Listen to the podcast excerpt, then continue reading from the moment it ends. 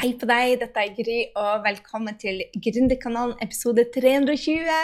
I dag skal du få eh, møte ei rå dame som heter Pia Holst, som er en av kundene mine på ScaleUp.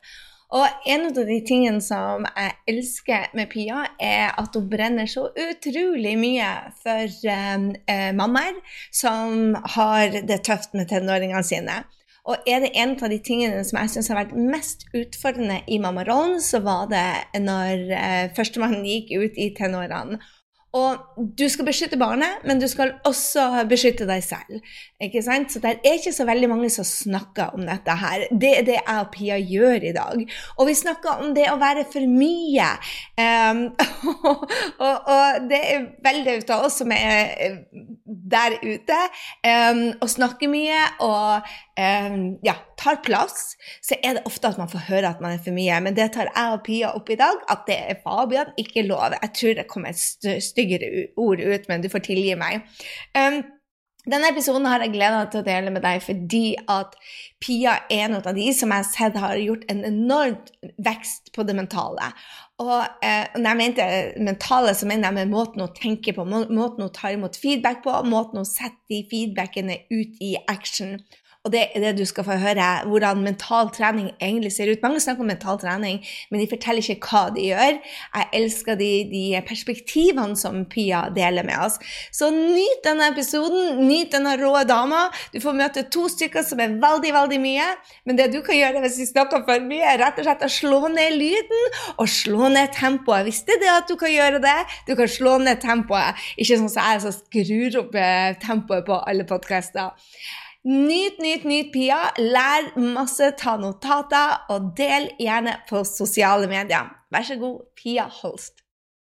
Hei, da er jeg sammen med Pia Holst. Hei, Pia. Hei, Gry. Velkommen til Gründerkanalen. Takk skal du ha. Dette har jeg gleda meg til. Ja, jeg også. Du, for de som ikke vet hva Pia gjør for noe, så kan ikke du dele hvem du er og hvem du hjelper, for du er gründer. Ja, jeg heter Pia Holst. Jeg er 51 år. Eh, noen ganger er jeg 80 i hodet, andre ganger er jeg 15. Men på fødselsdatoen min så står det at jeg er, blir snart 51. Jeg hjelper alenemødre med større barn til å få en bedre relasjon med barna sine, til å stå støtt når det stormer, og til å få mer selvtillit som mødre. Og bli gode rollemodeller for barna sine. Så herlig. Og hvordan er det du hjelper dem? Er det online-kurs, eller er det én-til-én? Hvordan er det du hjelper alenemødre? Det er online-kurs. Mm. mm. Spennende. Så det er litt om hva du syns er herlig med å være gründer, og hva du syns har vært litt utfordrende. For det er jo ikke som en vanlig jobb. Er, denne reisen er jo veldig spesiell. Ja, altså det jeg syns har vært altså, utfordrende, det er at jeg har så mye å lære. Og så er det utfordrende å på en måte snu mindsetet mitt da, for å tenke nei, jeg kan ingenting, uff, jeg er dum og alle andre er så mer vellykket enn meg, til å tenke at det jeg ikke kan, skal jeg lære. Og for meg Altså, jeg startet jo altså denne reisen min Jeg har jo hatt den i magen i mange år. Men jeg har hele tiden tenkt at jeg skulle jobbe med småbarnsforeldre, fordi jeg er ut, utdanna førskolelærer og har liksom tenkt at det er min kompetanse. Men så har jeg vært gjennom en prosess etter at jeg ble med i ScaleUp. Eh, og da ble det rett og slett sånn at jeg tenkte at det var jo ikke da jeg slet selv. Ah. Og jeg har lyst til å hjelpe folk. Egentlig så er dette kurset en gave til meg selv. Ja. Fem, der jeg var for 50 år siden. Fordi det er på en måte Det er jo gøy å hjelpe å, hjelpe i resultater når du vet at det funker selv. Men som småbarnsmor så, så var jeg altså, da var jeg pedagog, og jeg Det var egentlig ikke så mye mer jeg slet med, men jeg tenkte bare at det var det jeg kunne. Mm. Det var, men er det ikke morsomt at vi tror det at, at altså, Utdanningssystemet er jo for lengst utdatert. Og likevel så tenker vi, for det er det vi er blitt opplært til, å tenke det at det jeg har en utdannelse i, det er det jeg må starte business til, eller det jeg må forholde meg til. Mens livserfaringa vår er jo den som virkelig har verdi for andre mennesker. Ja, Den har, den har liksom ikke det samme kvalitetsstempel på. Hvis ikke du har fått et eller annet skriv fra en eller annen skole, noe som egentlig er bullshit. Ja, og så tror jeg det, altså for min del i hvert fall, så er det noe med at da jeg landa på at det er jo, Selvfølgelig er det alenemødre, for dette er jo en gave til meg selv. Så fikk jeg en flamme inni meg selv.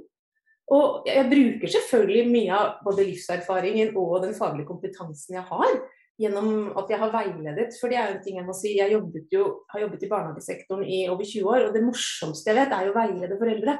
Mm. Jeg har jo hatt sjefer som har vært sånn Pia, nå må du liksom være litt raskere på veiledningen. Men jeg bare nei, nei. Det er da jeg får foreldrene trygge og gå ut og, og at de går ut med et smil om munnen og får aha-opplevelse. Så jeg har jo hatt den veiledningsdriven, da. Men den derre at man stoler på at man, du vet, Det heter livets harde skole, men det er noe med at man kombinerer den da, og, og, og tør å faktisk tør å bruke den som en del av sin kompetanse. Er det ikke, jeg- når du snakker om det, Pia, så må jeg bare henge meg på det. Er det ikke helt vanvittig at vi trenes i matte, vi trenes i å skrive, men den viktigste rollen vi har til å oppdra eh, medfølende eh, mennesker eh, Det er der jeg føler i livet mitt at jeg har gjort de aller største feilene. Og den utdanninga jeg egentlig hadde, var med å få ungen ut, men i ettertid det er jo den letteste oppgaven. Å få ungen inn og ut var faktisk ganske enkelt i forhold til de 25 årene jeg hadde nå. Så må jeg si at jeg trodde å få ungen inn og ut skulle være det, det vanskeligste. Men, men det å oppdra dem til å bli gode mennesker, det er jo det som er den utfordringa, spesielt når du har så mye unnskyld ordet, dritt i livet ditt fra før. Du har masse bagasje med deg. Ikke sant? Du har masse bagasje med deg som du ikke har kanskje tatt tak i. Jeg i hvert fall har følt at jeg har tatt mye mer tak i traumer og sånt etter ungene flytta ut. For at jeg forsto det. Mens når jeg trengte det, så var jeg så busy med bleieskift og andre ting at jeg bare tok mine traumer og egentlig påførte det til ungene mine. Så ingen utdannelse på det viktigste området. Det, det er litt skremmende. Ja, og jeg er så enig med deg, og det er morsomt at du nevner traumer. For jeg syns jo det som er fascinerende med å veilede foreldre for større barn, eller mødre, er jo det at når du har småbarn, så har du liksom kan du styre dem. Mens når du har store barn, så møter du deg selv i døra, pluss at du har Altså, det viser seg, nå leser jeg litt om traumer og sånn, er at familietraumer følger hverandre i generasjoner. Mm. Det har jeg fått sånn aha-opplevelse på. Og de sier, Det siste jeg leste nå, var at det var fire generasjoner tilbake. ikke sant? Så forplantes det. Og når du da står i en eh, konflikt med et barn full av hormoner, og du er alene, så vil du bli trigget. Og så vil du ubevisst gjøre ting du egentlig ikke tenkte du skulle gjøre. Tenkte du skulle si til barnet ditt og sånne ting. Så det er noe med den Jeg tenker at å være en god mor handler jo ikke om at du er perfekt. Men det handler om at du er et helt menneske, og det handler om at du Altså, det, altså som bare det du gjør med din rolle nå, at du reflekterer jo over de feilene du gjorde. Og det er en prosess til en helende relasjon mellom deg og ungen din, da. Uansett hvor gammel du er. For jeg tenker at det er viktig Altså, man snakker om de tre første årene som ja, er kjempeviktige. Men det det kanskje ikke blir snakket så mye om, er at alt kan repareres. Uansett.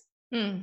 Så lenge du er i en prosess, og det er det med de generasjonstraumene, at når den generasjonen du da som er før barnet ditt, når du reparerer og healer din prosess, så vil det også påvirke ungene. Det er så sant, og det er så morsomt du sier det, for jeg var hos Jonas, psykologen min, i går.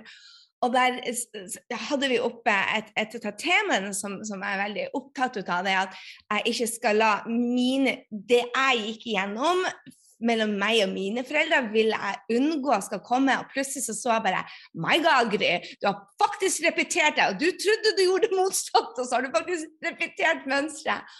Og da sa Jonas noe til meg at Gry, det virker på meg som du tror på et eller annet nivå at du skulle være den perfekte mammaen. Og jeg tror det er Det slo meg bare av full kraft i går. Jeg, jeg kjenner jeg blir bare så beveget når jeg tenker på det. Jeg har vært så streng med meg selv, Pia, at jeg liksom Åh, blir veldig bevega. Jeg har vært så streng med meg selv fordi at jeg skulle være den perfekte mammaen.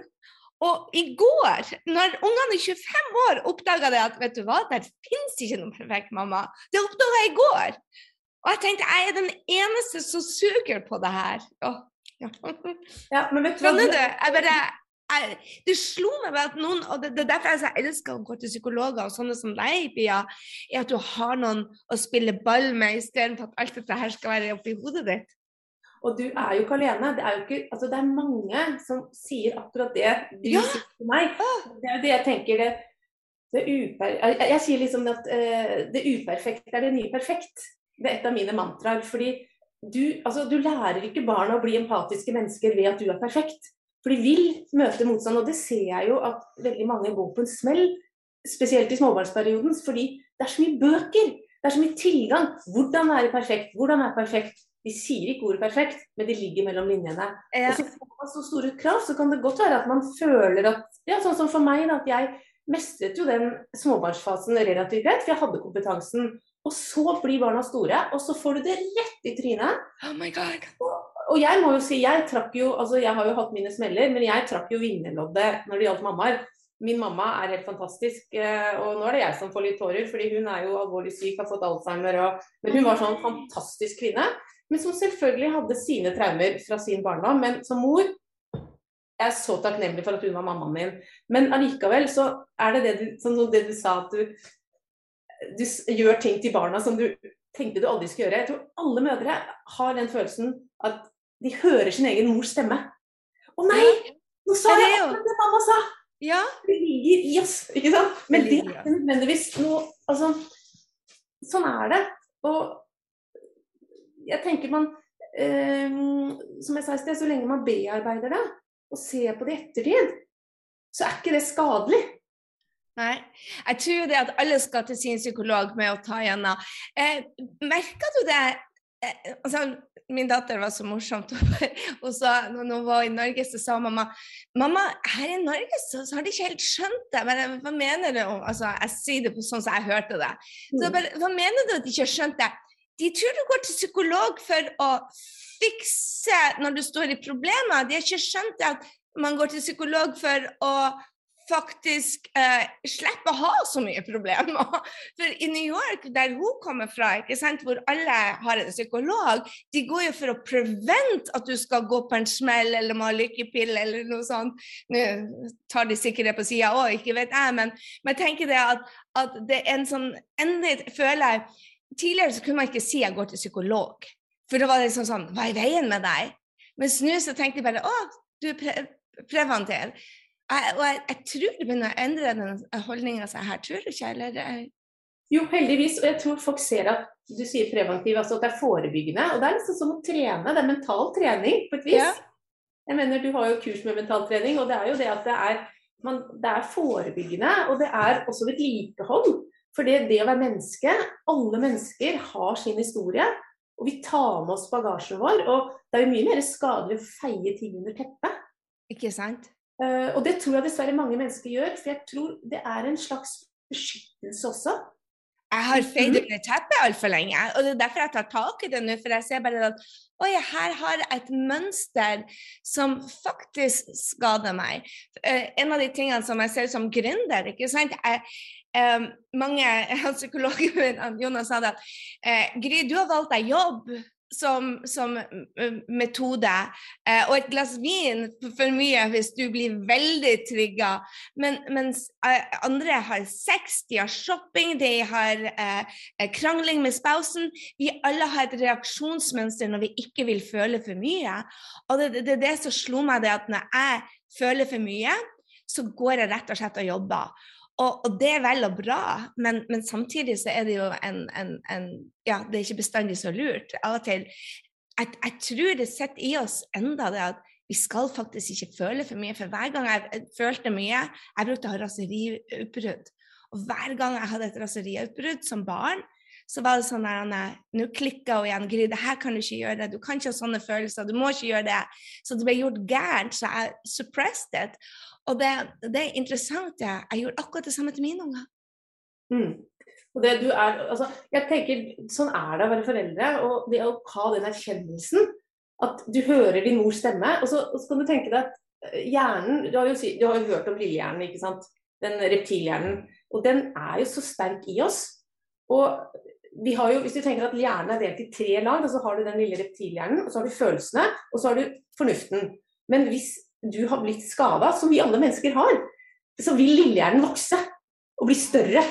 Og da tar den overhånd, og så får man enten freeze, fight og flight-reaksjoner. ikke sant? Og så er det det som styrer. Og jeg tror at jeg kjenner jo på det selv, at selv om jeg har teorien og på en måte kunnskapen om hvorfor jeg reagerer som jeg gjør, i gitte situasjoner, så reagerer du akkurat sånn som du sa til deg selv du ikke skulle.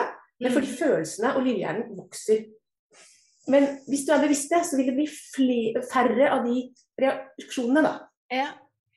Så en av dem, jeg, jeg går i sånn terapi med tre bokstaver, hvor du følger en finger og går gjennom et traume, og så skal du bli kvitt den. Og et av de traumene jeg tok opp da med, med psykologen min for to uker siden, um, var uh, Altså, det var så sterkt, men så tok vi det tilbake i tida. Og da kom det opp altså, Jeg gikk tilbake til jeg var to år. Og da fikk jeg altså, jeg, Vi hadde en hund som døde, som heter Rex. Som jeg ikke husker engang. Så det kom opp i denne her sesjonen hvor jeg var litt hypnotisert. Jeg hadde glemt det. Jeg husker veldig lite fra barndommen min, for å være ærlig. Men da Rex døde, så, så um, ble han påkjørt. Og så ble jeg frisk, for jeg var et veldig sykt barn. Uh, utrolig sykt. Det var veldig lite og stakkarslig. Um, men når han døde, så fant de ut at jeg ble friskere. Så de var glad for at jeg ikke hadde så mye astma. Men de var òg veldig lei seg for at beste, altså Rex var død, som de hadde hatt i mange år. Så det ble påført meg. Den sorgen deres, men også den lettelsen. Så jeg har ikke hatt astma siden jeg var 26 år. Jeg har fått det tilbake. Jeg har ligget etter den der, så jeg har ligget fem dager hvor jeg ikke fikk puste. Så det, det, er utrolig hvordan det setter seg i kroppen. Så jeg fikk astma tilbake fra jeg var to år. Og når jeg da kom tilbake og bearbeidet den, borte. Kan, kan, er, er, det ikke, er, ikke, det fantastisk?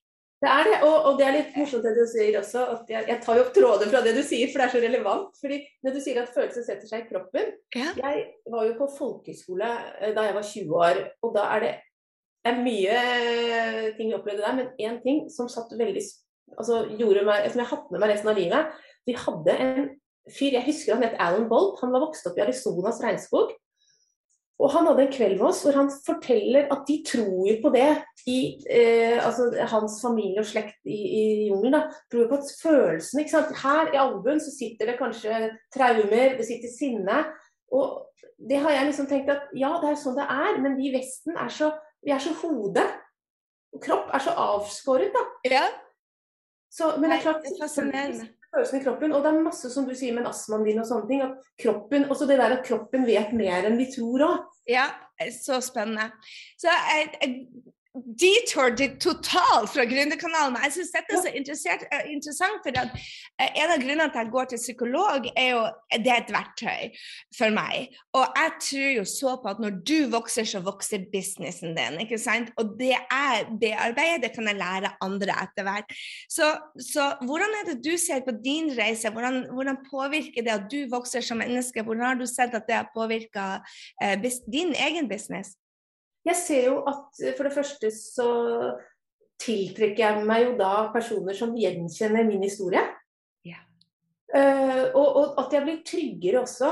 Uh, jeg er jo fortsatt på en veldig sånn begynnerreise, men jeg kjenner at jeg blir tryggere i å stole på den flammen inni meg. da. At jeg mm. har noe å gi. For jeg, altså, når jeg deler min historie, når jeg deler hva jeg kan, så er jeg jo ikke alene om det folk kjenner seg igjen. Og, og, særlig i forhold til det kurset, så har jeg blitt altså jeg har fått mye tilbakemelding på at dette var det jeg så etter. For det er så lite om de større barna, og det tror jeg også er fordi det er litt tabu. Mm. Fortsatt og på en måte Hva mener du med det, at det er tabu? Tabu i forhold til å føle seg som mislika mamma til tenåringsforeldre. Fordi man, man, ser så mange som du også nevnte, det at du, du vil være perfekt mamma. ikke sant? Ja. Uh, og så ser man det på sosiale medier spesielt. Eh, og så er det liksom Det er så lite Det er så lite som eh, Og det handler litt om at som småbarn så kan man på en måte legge ut mer, for barna er små. Men ja. de som har tenåringer Man må ikke Ikke sant? Du har så rett i det. Det er så, det er så utrolig vanskelig balansegang, Pia, hvor du trenger dine behov og snakke om de utfordringene du har, og så skal du ta vare på barna sin reise òg. Du har så rett i det. Det er derfor kurset ditt er så utrolig viktig, hvor du har et rom hvor du faktisk ikke blamer deg selv eller føler du blir blama, men man kan ta tak i det og snakke med noen om de utfordringene. For jeg tror ikke jeg vet om én mamma med tenåringer som ikke får ørlite sjokk. Det er en tøff reise. Det er det, absolutt. Og, og særlig når man er alene. For det er jo det er ting jeg, altså Den reisen min som gründer har jo vært som sagt fra småbarnsforeldre til alenemødre ikke sant, med store barn. Og det handler jo om det at det er et sjokk, og at du, um, du møter deg selv i døra. Uh, så jeg har jo liksom det kurset mitt har jeg tenkt at altså Jeg startet jo da når jeg var med småbarn at, at det skulle være konflikthåndtering, som er viktig. Men det er bare en del av kurset mitt nå. Det er nesten grunnmuren. Mm. Altså konflikthåndtering, kommunikasjonsprosesser og det å sette grenser. Men så er det det med selvutviklingen. Så er det det å bevisstgjøre sin egen historie. Som er kanskje like viktig. Mm. Nettopp fordi at jeg tenker jo det at når du har det bra på innsida, så blir du en god mor på utsida. Men da må du ta tak i de vonde tingene, de tingene du har feid under teppet. Du må tørre å løfte de opp. Det er liksom et troll. Men det er jo ingen som har lyst til å ta trollet ut i dagslyset. Vi vet jo at trollet faktisk eksploderer og forsvinner i dagslyset. Men det, det, er jo ikke, hvis du allerede står i masse utfordringer, så er det jo ikke det at du har lyst til å jobbe med deg selv. Det er det siste vi har lyst til. Og det, det er sånn, Også på gründerreisen syns jeg jo det, det, er akkurat det samme. Eh, du har lyst til å tjene penger, du vil ha kunder. Det å jobbe med deg selv er det du har minst lyst til. Så, så hvordan er det man skal motivere seg selv til å faktisk ta tak i den? Jeg tenker det jeg gjør, er at jeg starter med de ufarlige tingene. da, ikke sant? Mm. Jeg starter med grunnmuren, som jeg sa i sted. Mm. Uh, og så er jo det en prosess. Mm. Og så får jeg inn ting mellom. altså sånn det, det, å sette sunne grenser, det handler også om foreldrestiler. ikke sant? Hvem er du som foreldre? Mm. Og man har forskjellige typer foreldrestiler. Og så kommer man inn der, og så tenker jeg også at folk som altså folk som er helt lukka, men folk som tar kurset mitt, selv om de kan være i forsvarsmodus på endring, så har de også tatt kurset fordi de vil se altså De, er, de har sett døra på gløtt, da. Mm på den endringen. Men, det er, eh, men jeg ser jo for min del også er jo dette et slags eh, Hva skal jeg si, jeg har jo rammene, men jeg lærer, jeg lærer jo også mye av de jeg møter. Ikke sant. Jeg er jo ikke en sånn autoritær lærer som sitter og forteller sånn er det, jeg har fasiten. Det er jo en dialog, og, og jeg kan få aha-opplevelser også på, på, ting, da. Mm. Så hva har det vært det tøffeste med å starte for deg sjøl? Det tøffeste for meg, eh, det var å få troa på at jeg får det til. Mm. Eh, fordi, eh, og der har jo eh, ScaleUp hjulpet meg. Den, altså jeg har jo disse mantraene dine, sånn ett skritt av gangen, har jo vært sånn der wow! Veldig bra for meg. Og det at man Og jeg har jo hatt livet Altså jeg har hatt utfordringer i livet, og det å Altså, når jeg var alene, så er det så altså Da jeg sto alene i denne gründerdrømmen, så, så var det så lett hvis jeg hadde en dårlig dag å gi opp. Men nå er det sånn Nei, jeg skal legge ut Altså, jeg skal få til. Jeg skal skrive noe, jeg skal legge ut noe, jeg skal gjøre noe. Så jeg klarer å gjøre noe hver dag. Men det der å være alene har vært det mest utfordrende. Å tro mm. alene og være sterk nok. Og jeg beundrer jo de som klarer det. Ja. Jeg trenger en heiagjeng. Jeg, jeg, jeg, jeg, har reflektert så mye Vi var jo ute og du sammen med Line. Jeg har reflektert så mye over den historien hennes. for at Hun holdt jo på i ti år før hun, hun kom til meg, eh, og vi begynte å jobbe sammen. Hun var helt alene. Jeg hadde ikke klart det. Så det er noen som bare Eh, mens når hun da fikk andre rundt seg, så eksploderte det jo. For, men alt det hun hadde gjort da i de ti årene, fikk hun betalt for. Jeg tror det er veldig mange som ikke helt skjønner det, at dette her å bygge en business, det tar tid. Mm. Og jeg vet jo, Pia, du er jo en utålmodig person i likhet med meg. Vi vil jo gjerne se resultatene i, i, i går. Men, men, det er det å huske det, at det faktisk tar tid, det her. Og at, at, det er, at det er en prosess, som du sier, at det er et skritt i gangen. Ja, og så tror jeg også det handler veldig om det tankesettet vårt. at sånn som for meg, jeg tror mange gründere som holder på alene, de, de tenker f.eks. det koster jo ikke sant, å gå på kurs hos deg, selvfølgelig vi betaler en pris for det. Men så tenker man nei, uff, det er utgifter, jeg har ikke råd nå, jeg må bruke penger på å investere i min business. I stedet for å tenke at de pengene du investerer i å få hjelp, enten i et kurs om barneoppdragelse eller om gründervirksomhet, de er jo, det er jo en investering i din framtid. Ja. Det, men, men, men, det er det som jeg tror uh, jeg, jeg, hører ofte det, uh, folk sier til meg at uh, jeg må dessverre slutte, for jeg gjør ikke jobben. Og det er det som skjer med ni av ti stykker, at de, de, slutter fordi de ikke gjør jobben. Og jeg tenker det der at man ikke helt forstår at når man er når man er gründer, så må man gjøre den selvmotiveringa på daglig basis. Eller så gjør man faktisk ikke jobben. Så det, de sånne enkle ting som, som, vi snakker om, jeg og du, men sånne enkle ting som å gjøre tre små ting om dagen, sånn at du har progresjon, det virker ikke, det virker ikke som en stor ting. Men når du gjør tre små ting hver eneste dag i 365 dager, så er det umulig å ikke få resultater. Men hvis du, Det er akkurat som en trening. Du kan ikke ta ei styrkeøkt og tro at du får en sixpack ut av det. Det er faktisk det, det, det er compound effect. Det bygger på seg. Og, og, jeg tror det er veldig mange som ikke helt forstår det der at gründerjobb er faktisk ikke skippertak. Jeg vet ikke, Gjorde du skippertak på skolen før i tida? Oh, jeg, nei, jeg var lat. Jeg, jeg skled litt gjennom skolen, så jeg har liksom ikke lært meg sånn å jobbe for ting. Oh my god. men, men, det jeg merker nå i forhold til den eh, altså det å gjøre én ting hver dag Jeg tror også folk kanskje lager seg sånn f.eks. morgenrutiner. da. Og nå skal jeg ha morgenrutine på en time hver morgen. Og når de ikke klarer å fullføre det, så faller de av. Men jeg tenker, du har jo det fantastiske ordet 'justere'. Altså en av disse diamantene fra deg som jeg bare tar til meg. For det, på dager hvor jeg, ikke, altså hvor jeg ikke har tid, eller det er mye som skjer, så tar jeg heller femminutters. Ja. Ikke sant? Men du gjør noe. Og ja, den der at du ikke har sånne ambisjoner om å gjøre den fullstendige rutinen hver morgen. da det, det, det, kommer tilbake til det der at, at, vi tror vi må gjøre det perfekt. Akkurat som jeg, Hvis noen sa til meg at Gry, jeg tror du har en utfordring med å være den perfekte moren, den perfekte gründeren, Jeg bare Sorry, jeg har aldri hatt det eh, flink pike-greiene. Det har aldri slått meg. Men det ligger så dypt at jeg oppdaga ikke det engang. Ikke sant? Så jeg tror det også det at, som du sier, det at gjør lite grann. Vi har aldri rost oss selv for å gjøre litt. Vi roser oss selv når vi gjør det fricking perfect. Og det er det også derfor jeg jobber så med meg selv også, enda den dagen i dagen, og sier bare 'Å, Gry, så flink du var. Dette er bra'.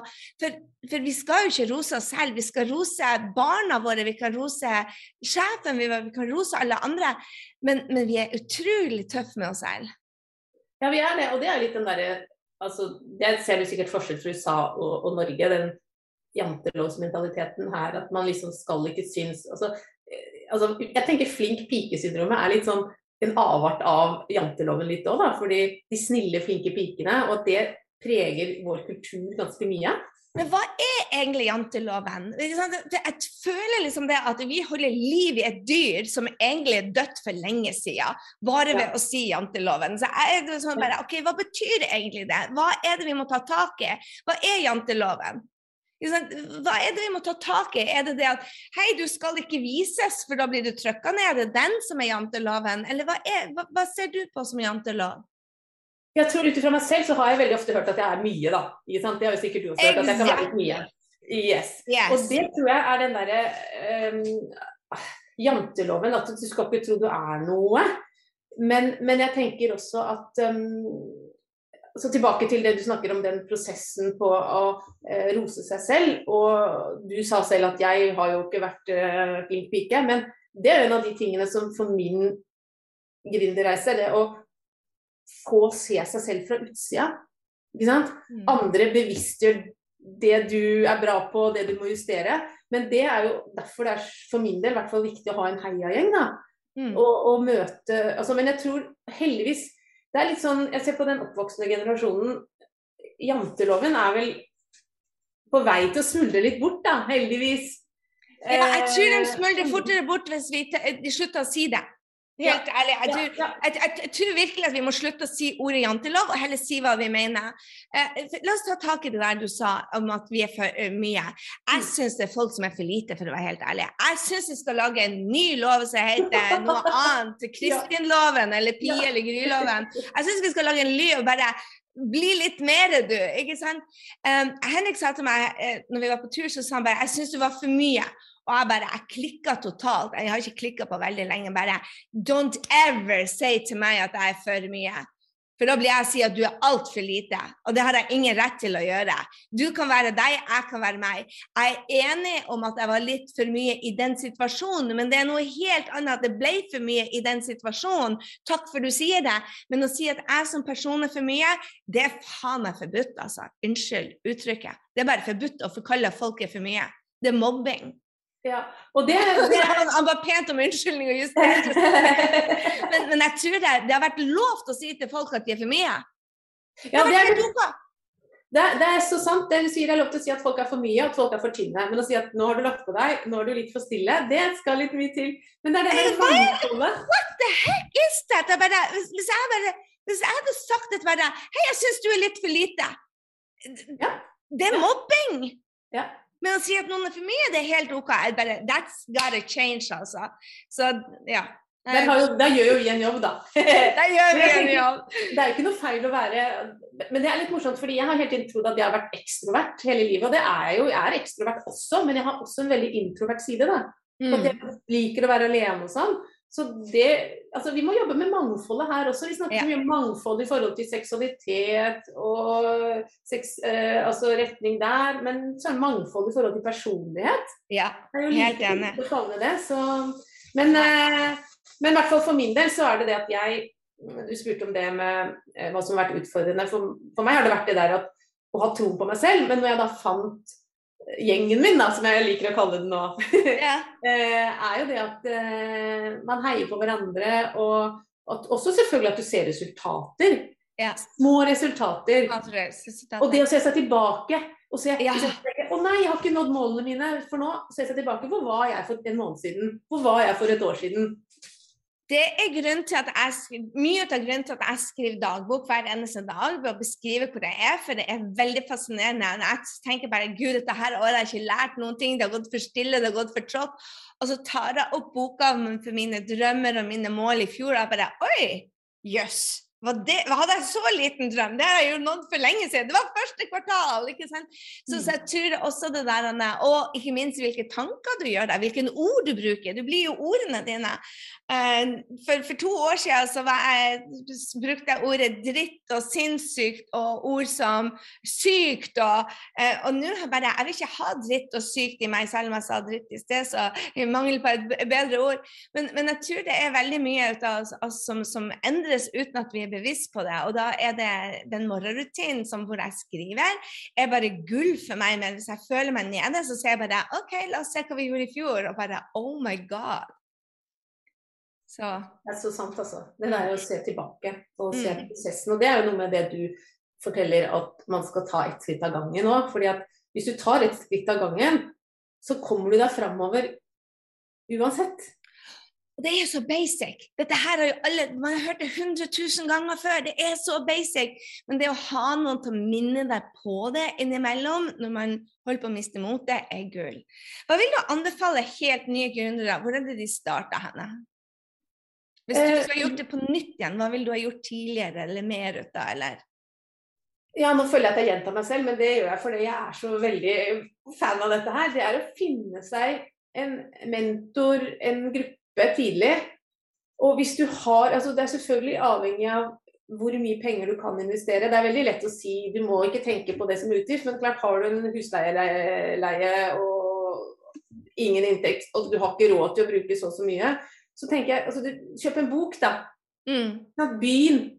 Hør på Gründerkanalen. Ikke sant? Yeah. Begynn der. Så, så, men jeg tror jo også veldig på det med at uh, det er noe større enn oss som styrer. Og det har jeg fått erfart ved å ha, tørre å ha tillit. Mm. Og hvis du som ny gründer føler at du har dårlig råd, og, men du må få noe input, begynn altså, noe så konkret som lytt til Gründerkanalen jevnlig. Mm. Eh, så kan jeg nesten garantere at da vil universet det vil åpne seg for deg en eller annen mulighet. Og så, og så vil veien gå videre. Men invester tid, først og fremst, hvis du ikke har penger. Mm, og så kan du kanskje, kanskje du til og med kan investere tid, og så spar en hundrelapp i måneden, da. Og så til slutt så har du noen tusen, og så har du lov til Altså man tenker spar det du kan, bruk den tiden du kan. Tusen takk, tusen, tusen takk, Pia. Så inspirerende å høre på deg. Du, um, jeg har lyst til å avslutte med å, å uh, takke deg for tida di og for inputen din og for kunnskapen din. Og så minner dere på det at um, du kan kun styre en bil som er i bevegelse. Så jeg, dette lærte jeg igjen og igjen og igjen ut av min psykolog Jonas denne uka, at um, jeg, jeg, har gjort så mye feil i det siste, Pia. og Nå selger jeg leiligheter. Jeg vet ikke om det er riktig eller feil, men, men det å stå i stillstand det blir man gæren ut av. Det å sitte og tenke blir man gæren ut av. Så av og til så må du ha mot til å ta action som er feil, sånn at du vet hva neste riktige steg er. For når du er i bevegelse, så får du mer kunnskap, istedenfor jeg tror mange sitter der og tenker og tenker og tenker. Jeg vil hive meg på det du sa, Pia, om at av og til så må du bare ta opp en bok, lytte til en gründerkanal og spørre deg selv etterpå hva er én action jeg kan ta basert på det jeg har lært. Én action du kan ta. For da får du progresjon mot drømmen din. Og det er det vi er her for å motivere deg til å gjøre. Ja, og så er det det viktig at ikke vær redd for å gjøre feil. Det er ikke farlig om du gjør feil. Du lander, du lander på beina. Mm. Det det, altså, du har gjort allerede det verste. Du har oppdratt to unger, kanskje. Du har fått ut to unger og oppdratt dem, og forhåpentligvis så lever de ennå. Og bare i seg selv er det helt wow. Ja. Tusen takk for at du tok meg med. Dette var kjempefint. Takk skal du ha. Gleder meg til å høre på uh, neste, den siste med Line, den Gründerkanal-episoden. Skal jeg gjøre nå. Tusen takk skal du ha. Det var Pia Holst for ei dame, sier jeg. Det er så inspirerende å få lov å dele sånne eh, fantastiske mennesker med deg. Har du eh, noen du vil ha på Gründerkanalen, så send det gjerne til meg på DM. Og hvis du elsker disse episodene, så nøl ikke med å screenshotte oss og dele Gründerkanalen og tagg meg Grisinding i episoden, så jeg får lov til å takke deg. Det er sånn vi når ut til flere folk, og jeg vil holde denne kanalen uten reklame enda en stund, så eh, jeg skal skal ikke si at jeg aldri får det, men jeg har bare lyst til å dele med deg at jeg elsker podkaster uten reklame, så her, vær så god. Ok, Nydelig uke til deg, kjære venn. Vi høres i neste uke. En ny spennende episode kommer om to uker. Nok et gründerintervju. Eh, Neste uke skal vi sette oss ned og lære noe nytt.